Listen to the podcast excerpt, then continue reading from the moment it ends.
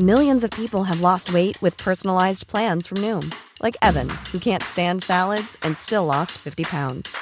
Salads, generally, for most people, are the easy button, right? For me, that wasn't an option. I never really was a salad guy. That's just not who I am. But Noom worked for me. Get your personalized plan today at Noom.com. Real Noom user compensated to provide their story. In four weeks, the typical Noom user can expect to lose one to two pounds per week. Individual results may vary.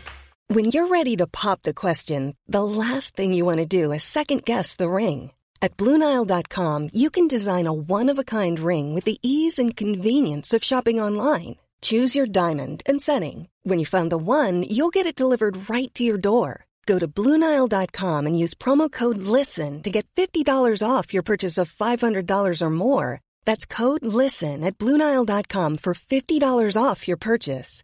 Bluenile.com code LISTEN.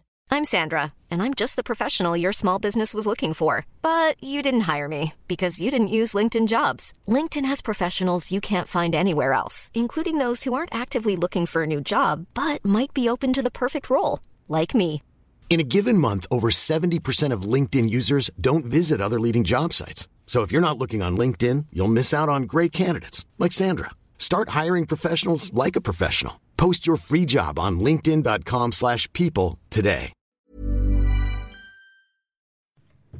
Palmemordet, Christer A. GH, del 16. Sveriges statsminister Olof Palme är död. 90 000. Ja, det är mord på Sveavägen. Hörde de säger att det är Palme som är skjuten. Mordvapnet med säkerhet är en Smith Wesson, en revolver kaliber .357. Inte ett svar. Finns inte ett svar. För jag har inget. Polisen söker en man i 35 till 40-årsåldern med mörkt hår och lång mörk rock. Välkommen till podden Palmordet som idag görs av mig, Dan Hörning. Jag hoppas ni alla har en riktigt trevlig sommar. Efter sommar kommer höst och sen kommer vinter och sen blir det den 28 februari igen och i två år har pandemin stoppat oss från att göra Palmevandringar. Men den 28 februari 2023 kommer det att bli av. Flera restauranger och barer jag använt mig av på Palmevandringen har gått under i pandemin så att det kommer att bli på ett nytt ställe. Vi är också nödgade att hålla en betydligt mindre palmvandring än vad vi gjorde senast för det gick helt överstyr. Därför, som jag tidigare har meddelat, så kommer urvalskriteriet att vara de som varit sponsorer på Patreon länge. Datumet som kommer att användas som avskiljare är den 1 oktober 2021 och det här kommer jag göra även för palmvandringen 2024. Så de som är sponsorer den 1 oktober 2022 på 2 nivån eller över på Patreon är välkomna på den palmvandringen. Det är nämligen era bidrag på Patreon som håller den här podden igång. Jag vill verkligen belöna de som är med och sponsrar den här podden långsiktigt. Jag vill också nämna Facebookgruppen FUP och övriga handlingar. Fantastiskt bra. De har gjort ett jättebra arbete med att få ut dokument. Tack till Johan Eriksson för hjälp med manus och research för Christer A. Vi är framme i februari 1995. Palmeutredningen är inte alls nöjda med vad Christer har sagt i förra avsnittet och de bestämmer sig därför för att förhöra honom igen. Bara två dagar efter det förra förhöret. Granskningskommissionen sammanfattar de här två förhören, alltså det ni hörde precis i slutet av förra avsnittet och det som kommer snart, på följande sätt, citat. Under februari 1995 förhördes GH vid ytterligare två tillfällen, främst om vådaskjutningen. Han bekräftade uppgifterna, men betonade att det hela varit en ren olyckshändelse. Han trodde att den kula som hade gått av var försedd med kopparmantel. Han mindes inte fabrikatet. På fråga om han kände igen en Winchester Western Metal Piercing-patron svarade GH citat Det gör väl alla som har eller äger en 357 slutcitat. GH trodde sig inte ha haft just den ammunition men sa sig haft en liknande tysk sådan. Slutcitat granskningskommissionen. Ni ska förstås få det andra förhöret från februari 1995 i sin helhet. Protokoll fört vid förhör och delgivning av tidigare förhörsprotokoll med Christer A. Förhöret hållet i RKPs lokaler den 24 februari 1995 med början klockan 12.00. Förhörsledare kriminalinspektör Bengt Ödmark. Förhörsvittne ej tillgängligt. Christer tillfrågades inledningsvis om han hade haft tillfälle att diskutera det senast hållna förhöret med sin bror. och han uppger att han träffade brodern häromdagen. De har nogsamt penetrerat den uppgift som brodern i förhör har lämnat, nämligen att Christer den 28 februari 1986, eller dagen, eller två dagar dessförinnan, fått hjälp av Christer att montera upp en stor spegel i lägenheten. Min kommentar, ja det står att Christer har fått hjälp av Christer i förhöret. Förhöret fortsätter. Christer A har alltjämt den uppfattningen att han var hemma ensam i sin lägenhet och att han var sjuk den aktuella tidsperioden och kan inte förstå var hans bror har fått dessa uppgifter ifrån. Han har heller ingen förklaring till sin brors uppgifter. Beträffande de gånger Christer hjälpt till med att montera upp speglar uppger han han har varit sin bror behjälplig med detta vid två tillfällen. En gång på en adress, en gång på en annan adress och inte som brodern uppgivit ytterligare en gång. Han minns att han hjälpte till med detta i samband med broderns inflyttning 1980 och på den andra adressen hjälpte han till att montera upp samma spegel. Det var nämligen så att brodern hade träffat en flicka som hade flyttat in till honom och det var hon som ville att spegeln skulle flyttas eftersom den var uppsatt vid sängen. Christer kan ej på rak arm komma ihåg när detta skedde men det måste ha ägt rum en tid efter broderns inflyttning. Han kan inte erinra sig ha satt upp spegeln vid sängen på adress. Vad han minns är att han hjälpte till med flyttningen och kommer ihåg att han för ändamålet hyrt en liten lastbil med kapell. Brodern hade i denna tid ej något körkort. Christer uppger bekräftande den skjutbana som brodern påstår sig ha besökt tillsammans med honom att det måste röra sig om jaktskyttebanan Tyrved. Den är belägen mellan Södertälje och Nynäshamn. Han kommer ihåg att brodern vid något eller några tillfällen följt med honom till denna skjutbana. Detta måste vara i tiden efter det att Christer fått sitt jaktvapenlicens i slut 80-talet eller i början av 90. Härmed beredes Christer tillfälle att taga del av fyra protokoll från förhör som har hållits med honom i denna sak. Christer har efter genomläsning följande kommentarer. Vid delgivning av förhör från den 17 januari 1995 uppger han att beträffande hölstret till revolvern så var det frågan om ett svart läderhölster och ej som framgår av förhöret brunt.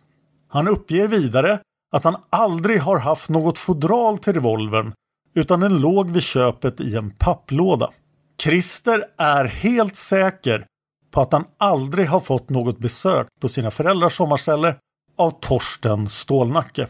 Christer påpekar att man på flera ställen i förhöret felaktigt bibringas den uppfattningen att det är fråga om hans sommarställe. Beträffande den omständigheten att han kan få felsänd post i brevlådan uppger han att detta hänt ibland och inte ofta som det står angivet i förhörsprotokollet. Christer uppger att han endast brukade åka in till Stockholms central då och då. Han upplyste ej den tilltänkte vapenköparen om revolverns fabrikat. Han förvarade ej vapnet i en sportbag vid försäljningen utan det rörde sig om en vanlig bag som man ej kan beskriva närmare. Köparen hade inte sina pengar i en rulle utan i en dubbelvikt sedelbunt. Christer har inga kommentarer till förhör från den 20 januari 1995. Christer har tagit del av förhör från den 26 januari 1995 och uppger att man i ingressen felaktigt bibringas uppfattningen att det är fråga om Christers sommarhus. På sida 2 har Christer kommentaren att han vet att han har blivit skuggad av minst ett dussin personer. Han vet också att hans telefon är avlyssnad. Christer har tagit del av förhör av den 22 februari 1995 och han har följande kommentarer. Han uppger att han vid många olika tillfällen har använt sig av helmantlad ammunition av olika fabrikat. Han brukade även använda wadcutter, han brukade även använda wadcutter, hålspetsammunition och 38 special. Beträffande manteln till den kula som oavsiktligen avlossades i lägenheten uppger han att denna kan ha varit av koppar. Angående Christers synskärpa uppger han att han hade minus 3,5 till minus 0,4 på höger öga och något lägre värden på vänster öga. Han uppger angående sina glasögon att han använt sig av olika typer av glasögonbågar, både av plast och av metall. Han har också använt kontaktlinser. Beträffande förvaring av sina handeldvapen uppger han att han förvarade både pistolen och revolvern i bankfack under den period då det inte var tävlings och träningssäsong. Angående uppgifter om spegeluppsättning se ovan förhörsutsagan. Förhöret samt kommentarer till tidigare förhör är intalat i Christers närvaro och godkännes utan erinran. Avslutat klockan 15.30 Bengt Ödmark. 28 februari 1995 klockan 13.45 delgavs Christer förhörsutskriften per telefon. Ej erinran. Och efter det här förhöret händer det ingenting som jag känner till på sju månader. Det är lätt att anta att Palmeutredningen går tillbaka till att försöka få till en resning mot Christer Pettersson. Den 16 september underrättas Christer enligt ett meddelande från Rikspolisstyrelsen som är daterat den 16 oktober. Men det står följande, citat. 1995 09.16 klockan 09.15 underrättades Christer A om att spaningsledningen hade beslutat om att i massmedia ge publicitet åt den av honom angivna berättelsen om hur han avhände sig sitt vapen. Det påpekades för Christer att man ej helt kan utesluta att hans namn därvid kan bli känt och de konsekvenser som därvid kan följa. Christer A uppger att han inte är i position att ha synpunkter på detta men att han givetvis inte har önskan om att bli identifierad av massmedia. Han uppger även att han ej tänker låta sig bli intervjuad i saken. Christer tillfrågade slutligen om han i detta läge avser att ändra sin berättelse om hur han frånhände sig sitt vapen, men han uppger att hans version står fast. Ödmark. Slut citat. Det här PMet är också undertecknat av någon den 17 oktober med en bläckpenna. Den 26 oktober sker ytterligare ett förhör och för att förstå det här förhöret måste vi titta på Christers bror KAs kärleksliv. KA verkar vara en charmör jämfört med sin bror. Han har alltså tre olika kvinnor som förekommer i den här historien och vi kallar dem för S1, S2, S3. Det här är ett förhör med S3. Både S1 och S1 Tre ser eventuellt ut att ha utländsk härkomst med koppling till sjukvården och eller Karolinska sjukhuset. Hej, det är Danny Pellegrino from Everything Iconic. Ready to upgrade your style game without blowing your budget? Check out Quince. They've got all the good stuff, shirts and polos, activewear and fine leather goods, all at 50 to 80% less than other high-end brands. And the best part? They're all about safe, ethical, and responsible manufacturing. Get that luxury vibe without the luxury price tag.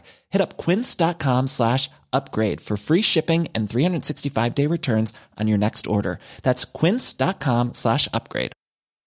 How would you like to look five years younger? In a clinical study, people that had volume added with Juvederm Voluma XC in the cheeks perceived themselves as looking five years younger at six months after treatment. Look younger, feel like you. Add volume for lift and contour in the cheeks with Juvederm Voluma XC. Reverse signs of aging by adding volume to smooth laugh lines with Juvederm Volure XC. For important safety information and to find a licensed specialist, visit juvederm.com. That's J U V E D E R M.com. Not for people with severe allergic reactions, allergies to lidocaine, or the proteins used in Juvederm. Common side effects include injection site redness, swelling, pain, tenderness, firmness, lumps, bumps, bruising, discoloration, or itching. There's a risk of unintentional injection into a blood vessel, which can cause vision abnormalities, blindness, stroke, temporary scabs, or scarring. Talk to a licensed specialist to find out if it's right for you.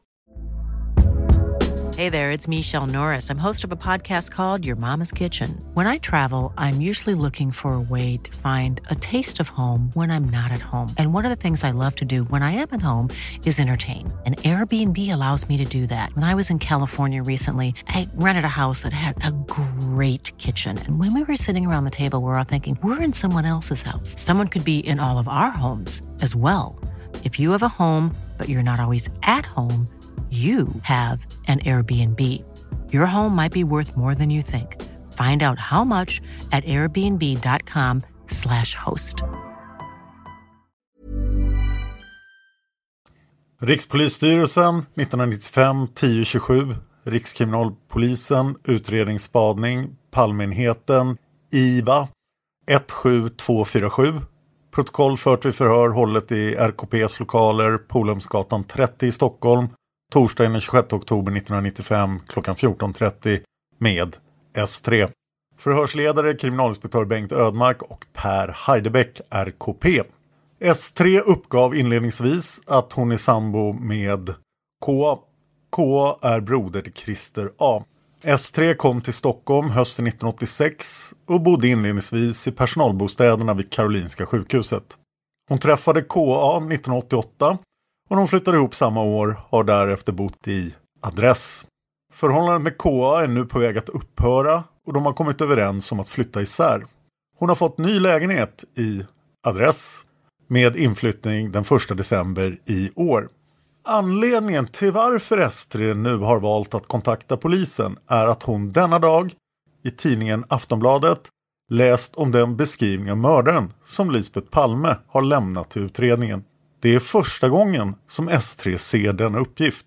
Hon har under lång tid, cirka tre år, tyckt att Christers utseende har haft stora likheter med tidigare publicerade uppgifter. Men nu blev överensstämmelsen än större. Christer vann 1980 en större summa pengar och började då med aktieaffärer. Enligt vad KA har berättat för henne har Christer fått ekonomiska bekymmer efter ett beslut som Palme hade tagit. Christers och KAs far avled, och ett datum. Detta tog Christer hårt. Han var mycket fäst vid sin far som långsamt hade tynat bort i lungemfysemi. Christer har under senare tid bott i sin mors lägenhet i Trångsund.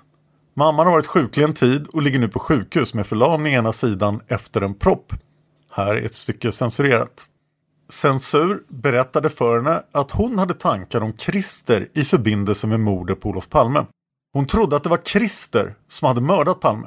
S3 lovade att inte säga detta till någon. Men S3 tyckte att hon kunde säga det nu när Censur var död. Det var tydligen så att Censur under ett besök hos Christer då denne bodde på Hälsingegatan hade upplevt att Christer hade skjutit ett skott rakt i sin TV när Palme hade vistats i rutan.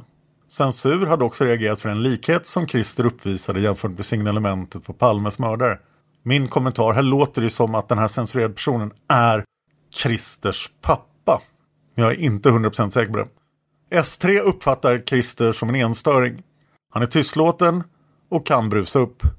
Christer har läst juridik och hon anser att han är lagklok. S3 har inte pratat med censur, förmodligen KA, om sina misstankar mot Christer. Förhöret avslutar 15.30 inläst efter koncept Ödmark Heidebeck. Slut på förhöret. I oktober 1995 medverkar spaningsledaren Hans Ölvebro i tv-programmet Efterlyst. Där efterfrågar han detaljer om Christers revolver utan att berätta särskilt mycket om Christer. Jag har inte tillgång till det här klippet från Efterlyst. Om någon har det vore jag tacksam för det. Eh, det refereras dock till i Efterlyst 2011 och då visas en kort sekvens från det. Den 14 och 20 november 1995 genomförs förhör med anhörig. Förhören har nummer 17309 och 17310. De är ganska censurerade och rätt otydliga, men de är ändå värda att nämna här. Det första förhöret genomförs den 14 november 1995 klockan 08.00 av kriminalinspektör Per Heidebeck utan tillgång till förhörsvittne. Till och med förhörsplatsen är censurerad. Jag kommer att kalla den här personen som är en kvinna för X. X informerades om att hon skulle höras beträffande sin kännedom om, jag antar att det står Christer A. Geo här, men det är censurerat. Om dennes person, om dennes vapeninnehav, politisk inriktning samt om händelser som kan bringa klarhet i Christers olaga vapenhantering och hans eventuella samröre med mordet på Olof Palme. X informerade oss om anledningen till polisens intresse av Christer vad avser dennes hantering med sin Magnum revolver. X berättade följande. Hon vet i stort sett ingenting om hans vapen. Inte mer än att hennes censur har berättat för henne om att Christer var intresserad av skytte och att han var medlem i någon skytteförening. Om Christers politiska intressen vet hon heller ingenting. Hon erinrar sig dock att Christer vid något tillfälle yttrat att han i vart fall inte var någon Palmevän. Beträffande Christers egen person i övrigt uppgav X att hon inte kände honom särskilt väl. Det var nog ingen i släkten som gjorde det. Han uppfattades som någonting och hans leverne var någonting annat. X visste till exempel inte att han för länge sedan hade vunnit en stor spelvinst. Det var först när någon, som i sin tur har fått reda på det genom någon annan, talade om det för henne. Det har varit mycket hysch-hysch kring detta. X visste att Christer sysslade med och var intresserad av aktieaffärer. I något samband med detta hade hon vid ett tillfälle föreslagit Christer att han kanske skulle ta jobb på en bank. Ska jag det? hade Christer sagt och X menar att han har ytterst dåligt självförtroende trots att han faktiskt inte är dum. Christer har givit uttryck för att han lever sitt eget liv, ett liv som ingen har något med att göra. Vid tiden omkring 1986 träffade X Christer kanske bara en gång om året i samband med någonting som är censurerat, förmodligen släktsammankomst. För lite mer än ett halvår sedan hände någonting som vi inte får veta någonting om i förhöret. X har också fått höra berättelsen om skottet i tvn och där står bland annat följande. Vid något tillfälle före mordet på Olof Palme hade Christer rengjort sitt vapen. Vid tillfället frågade ett skott gått av, passerat rakt igenom tvn. Samtidigt som detta skedde hade ett program med Olof Palme visats. Något liknande detta hade X fått berättat för sig. Om den personen hade varit närvarande vid händelsen eller inte visste inte X. Denna berättelse har otvivelaktigt varit störande för X, särskilt som hon haft sina egna funderingar. X uttrycker också viss oro i förhöret över då att polisen är intresserad av Christer. Jag läser direkt från förhöret igen. När X vid något senare tillfälle hade försökt ta upp ett nytt samtal med Christer om mordet hade Christer varit kort avvisande och bara sagt att det handlat om hans vapen och ingenting mer. Sedan dess har ingenting sagt. Och det är ungefär det vi kan få ut från det här förhöret. Det varade i 45 minuter. Men det sker ett förhör till den 20 november. Också det är klockan 08.00 med kriminalinspektör Per Heidebäck utan tillgång till förhörsvittnen. Nu får vi veta att förhörplatsen är RKP i Stockholm och det var väl ingen, inte så väntat. Men det här är alltså ett förhör med någon annan. Låt oss kalla honom Y. Y informeras om att han företrädesvis ska höras om sin kännedom om Christer AGHs vapeninnehav och vapenhantering. Förhöret ingår som ett led i utredningen om mordet på Olof Palme. Y informeras också om Christers berättelse om hur han hade sålt sin Magnumrevolver i Kungsträdgården sensommaren 1992 och här är Ys förhållande till Christer censurerat. På en direkt fråga till Y om hans kännedom om en händelse då Christer skulle ha skjutit genom en TV berättar han följande. En del är censurerat men sen så har det skjutit ett skott mot tvn då Olof Palme var i bild. Det var någon som hade berättat detta för honom. Händelsen inträffade någon gång i början av 80-talet. Y tror mest på att det hela skedde oavsiktligt i samband med vård av vapnet eller dylikt men får det svårt att gå ihop med att Olof Palme just då vid detta tillfälle hade varit på bild i tvn. Y uppfattar Christers politiska uppfattning som väldigt blå. Så vitt Y kunde förstå hade Christer starka aversioner mot Olof Palme, alltså personen Olof Palme. Det gick inte att diskutera om Olof Palme. Det låste sig då för Christer. Han blev störd och inget mera blev sagt. Y har dock aldrig hört Christer uttala sig i hatiska ordalag mot Palme. Inte heller att han vid något tillfälle verbalt har uttalat hotelser i någon form. Ys allmänna uppfattning om Christer är att den är allmänbildad och kunnig, men att han är censur. Någonting inträffade för ett antal år sedan som förmodligen förändrade Christer på något sätt. Och det hade Y uppfattat som att Christer hade börjat bli lite mer öppen och lättillgänglig. Y har senare förstått att det har berott på Christers ekonomiska förmåner och förluster som har gjort honom mera censur.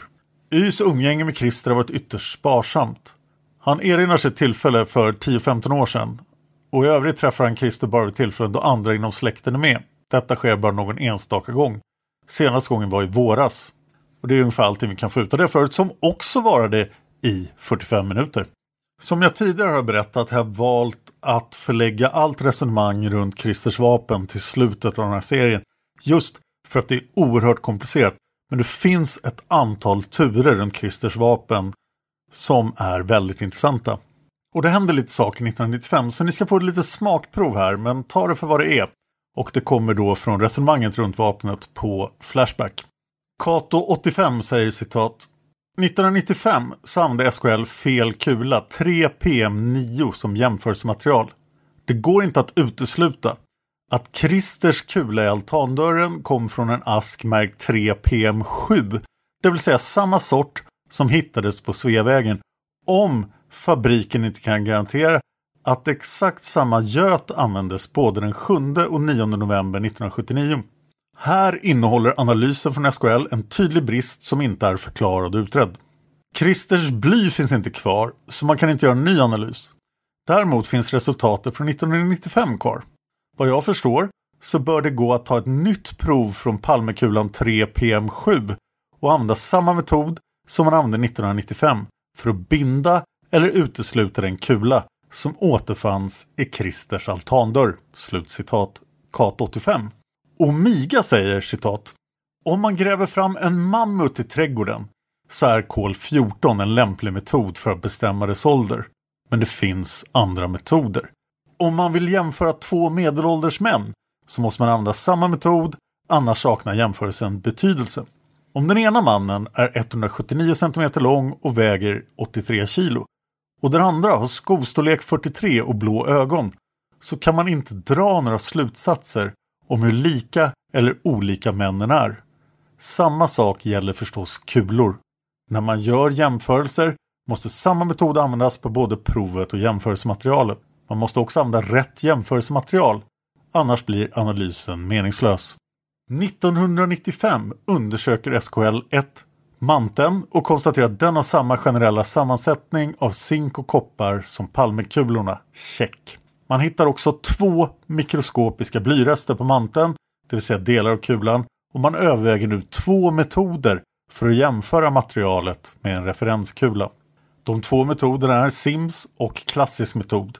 SIMS är en icke-förstörande metod där provmaterialet blir kvar efter undersökningen. Och den klassiska metoden, en förstörande metod där man löser upp provet i saltsyra. Man får bara en chans då. SIMS var vid tillfället en oprövad metod så man valde den klassiska. Provet, Christers bly, löses upp i saltsyra och försvann därmed för evinnerlig tid. Samma metod användes för 3PM9. Man fick ett resultat på två valda isotopkvoter. Den första var PB208 genom PB206. Christers kula hade 2,0457 och 3PM9 hade 0,8159. PB207 genom PB206 där hade Christers kula 0,8358 och 3PM9, alltså Palmekulan, hade 2,013. Testet visar alltså tydligt att Christers kula inte är detsamma som den jämförda kulan. Men frågan är, jämförde man med rätt kula? Slut citat Omiga och vi kommer som sagt tillbaka på det här i slutet av Christer-serien. Granskningskommissionen sammanfattar läget och utredningsåtgärderna 1995 som följer citat. Andra utredningsåtgärder gav liknande information.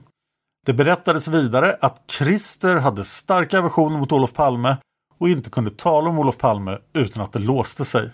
Personlighetsmässigt framkom uppgifter som överstämde med profilen. Det hade framkommit att Christer på årsdagen av mordet 1995 besökte ett konditori snett mittemot mordplatsen på Sveavägen.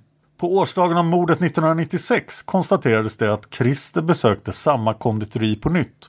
Det visade sig att Christer sedan länge var stamkund på konditoriet och att han besökte det en till två gånger i veckan.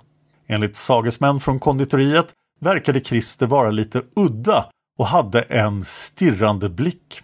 Hans Ölvebro medverkade i oktober 1995 till programmet Efterlyst. Upplysningar om Christers skjutvapen ska ha efterfrågats. Efterlysningen ledde inte till något resultat. Slutcitat granskningskommissionen. Omiga kommenterade här på Flashback, citat. En intressant detalj är att polisen tycks notera att Christer uppskattar att stanna till och kika in i olika skyltfönster när han spankulerar omkring i stan. På årsdagen 1995 går han över mordplatsen, besöker Svea konditori och checkar sedan in i fotobutikens skyltfönster i hela tio minuter på vägen hem. Under den fortsatta promenaden stannar han till vid olika skyltfönster både länge och väl. Så Christer delar i alla fall en udda egenskap med den så kallade grannmannen.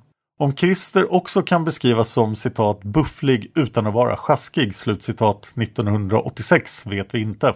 Personalen på Svea konditori beskriver honom som på något sätt efterbliven och lite udda. Och det var deras ord, inte mina. Omiga fortsätter. Och hon känner igen honom på rocken och mössan som han tydligen alltid bar. Slutcitat Omiga. Ivan Toer svarar Omiga citat. Jag vet vilken familj som ägde alla de där kaféerna i stan på den här tiden. Det var två bröder. De ägde även Café Avenyn på Kungsgatan 51.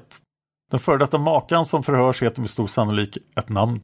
Ska inte blandas ihop med den polska skådespelerskan med samma förnamn som den ena broderns nuvarande maka.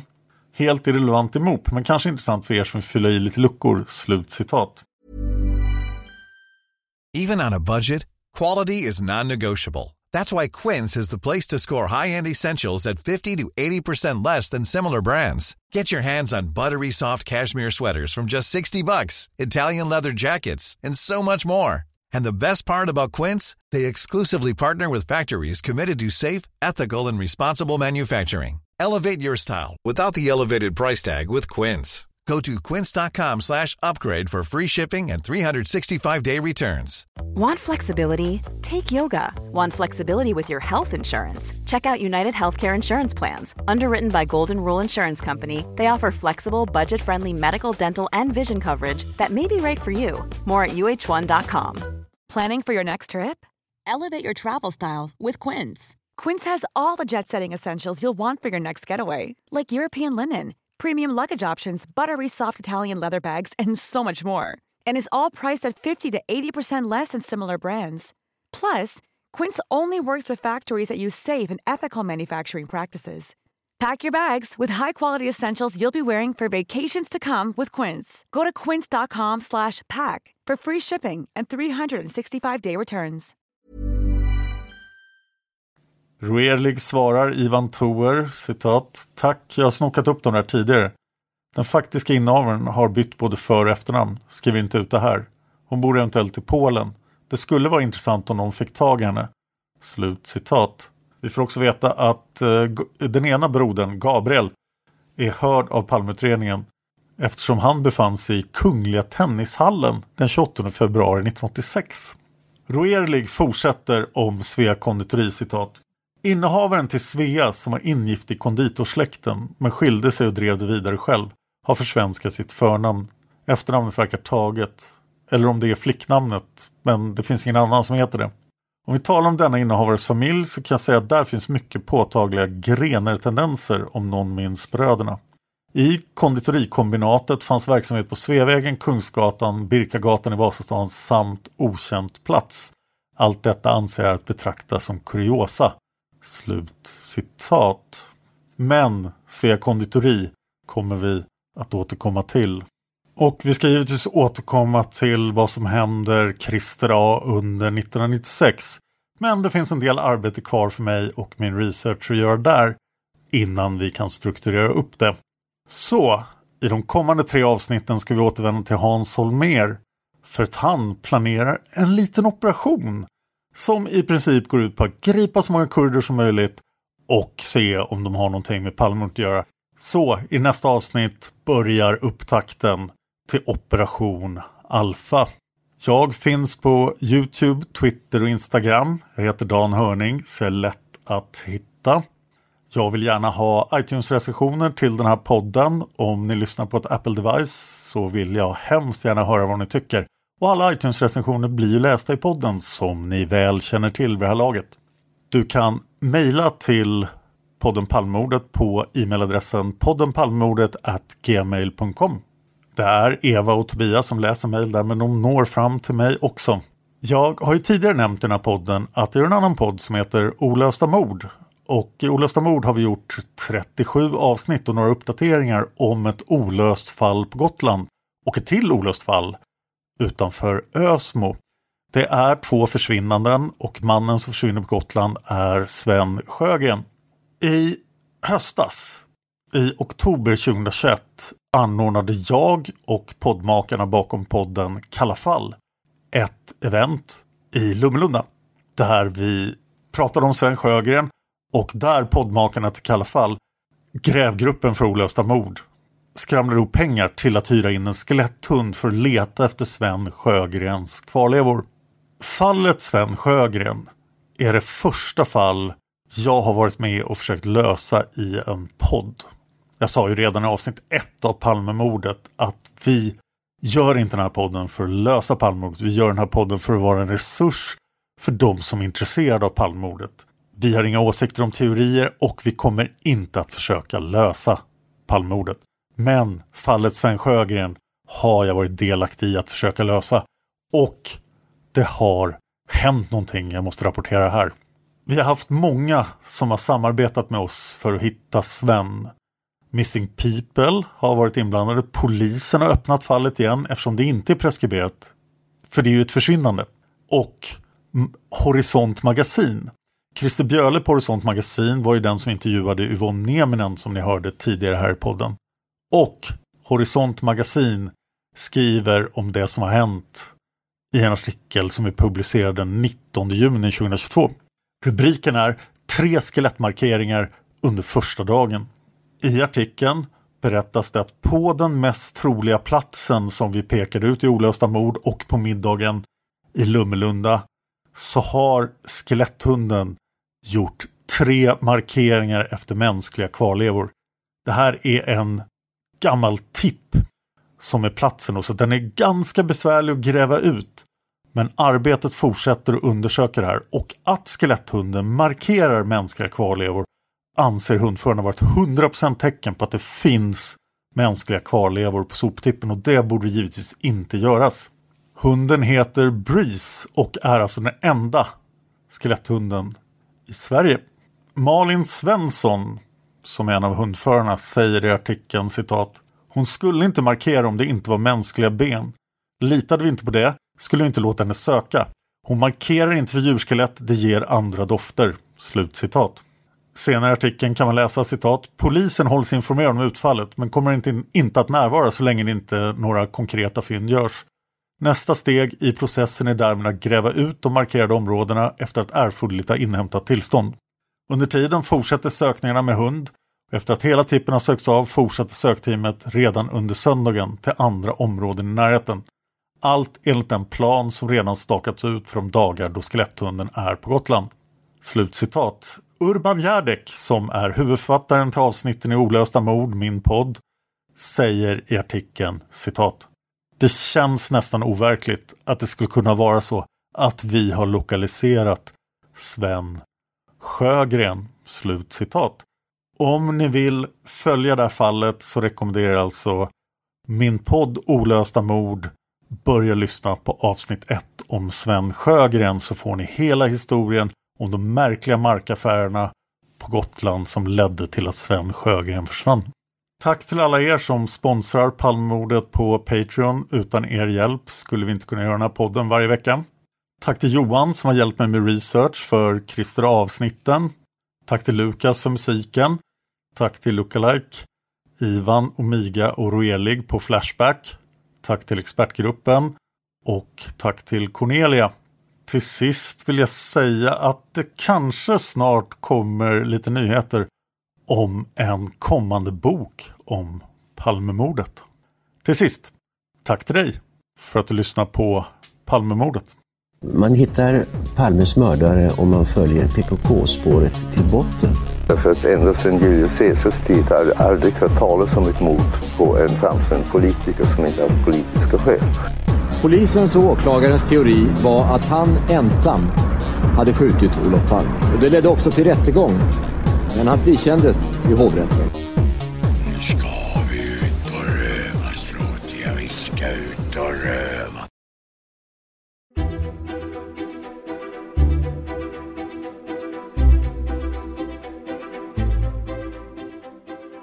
I en tid där åsikter alltmer fått överhanden på fakta är det svårt att veta vad som är sant eller inte. För om ett budskap trummas in tillräckligt många gånger så ökar ju chansen att någon faktiskt tror att det är sant. I dagens poddar som den här utgår allt ifrån noga researchade fakta så att ni som lyssnare kan vara trygga med att han förmedlar historien på ett sant och opartiskt sätt. Men det är ju inte överallt det är så. I sociala medier och hos alternativa nyhetsförmedlare på internet frodas konspirationsteorier, förvrängda uppgifter och rena lögner. Oftast med ett syfte bakom, att sälja in en tanke, idé eller ideologi. För vem faktakollar egentligen en artikel om den verkar tillräckligt bra för att vara sann? Det är här jag kom in i bilden. Genom min egna podcast Tänk om har jag sedan 2019 granskat konspirationsteorier och myter om vitt skilda ämnen. En del är verklighetsnära och hade kunnat vara sanna. Andra teorier är ganska märkliga, men bidrar dels till en bra historia, dels till att öka förståelsen för hur en person kan tro på olika mer eller mindre fantastiska saker. Vi tittar på såväl svenska som utländska teorier och försöker ha med gäster som är experter på de ämnen vi pratar om. Bland de gäster jag har haft med finns den inte helt obekanta Dan Hörning som både pratat om Storsjö och djuret och seriemördare med mig. Så skaffa dig fakta på ett underhållande och lärorikt sätt. Sök på Tänk om i valfri poddapp och börja din kryssning mellan konspirationsteorier och fakta. För om kunskap är makt vill jag hjälpa er att bli ännu mäktigare. Jag heter Tobias Henriksson. Välkommen att lyssna på Tänk om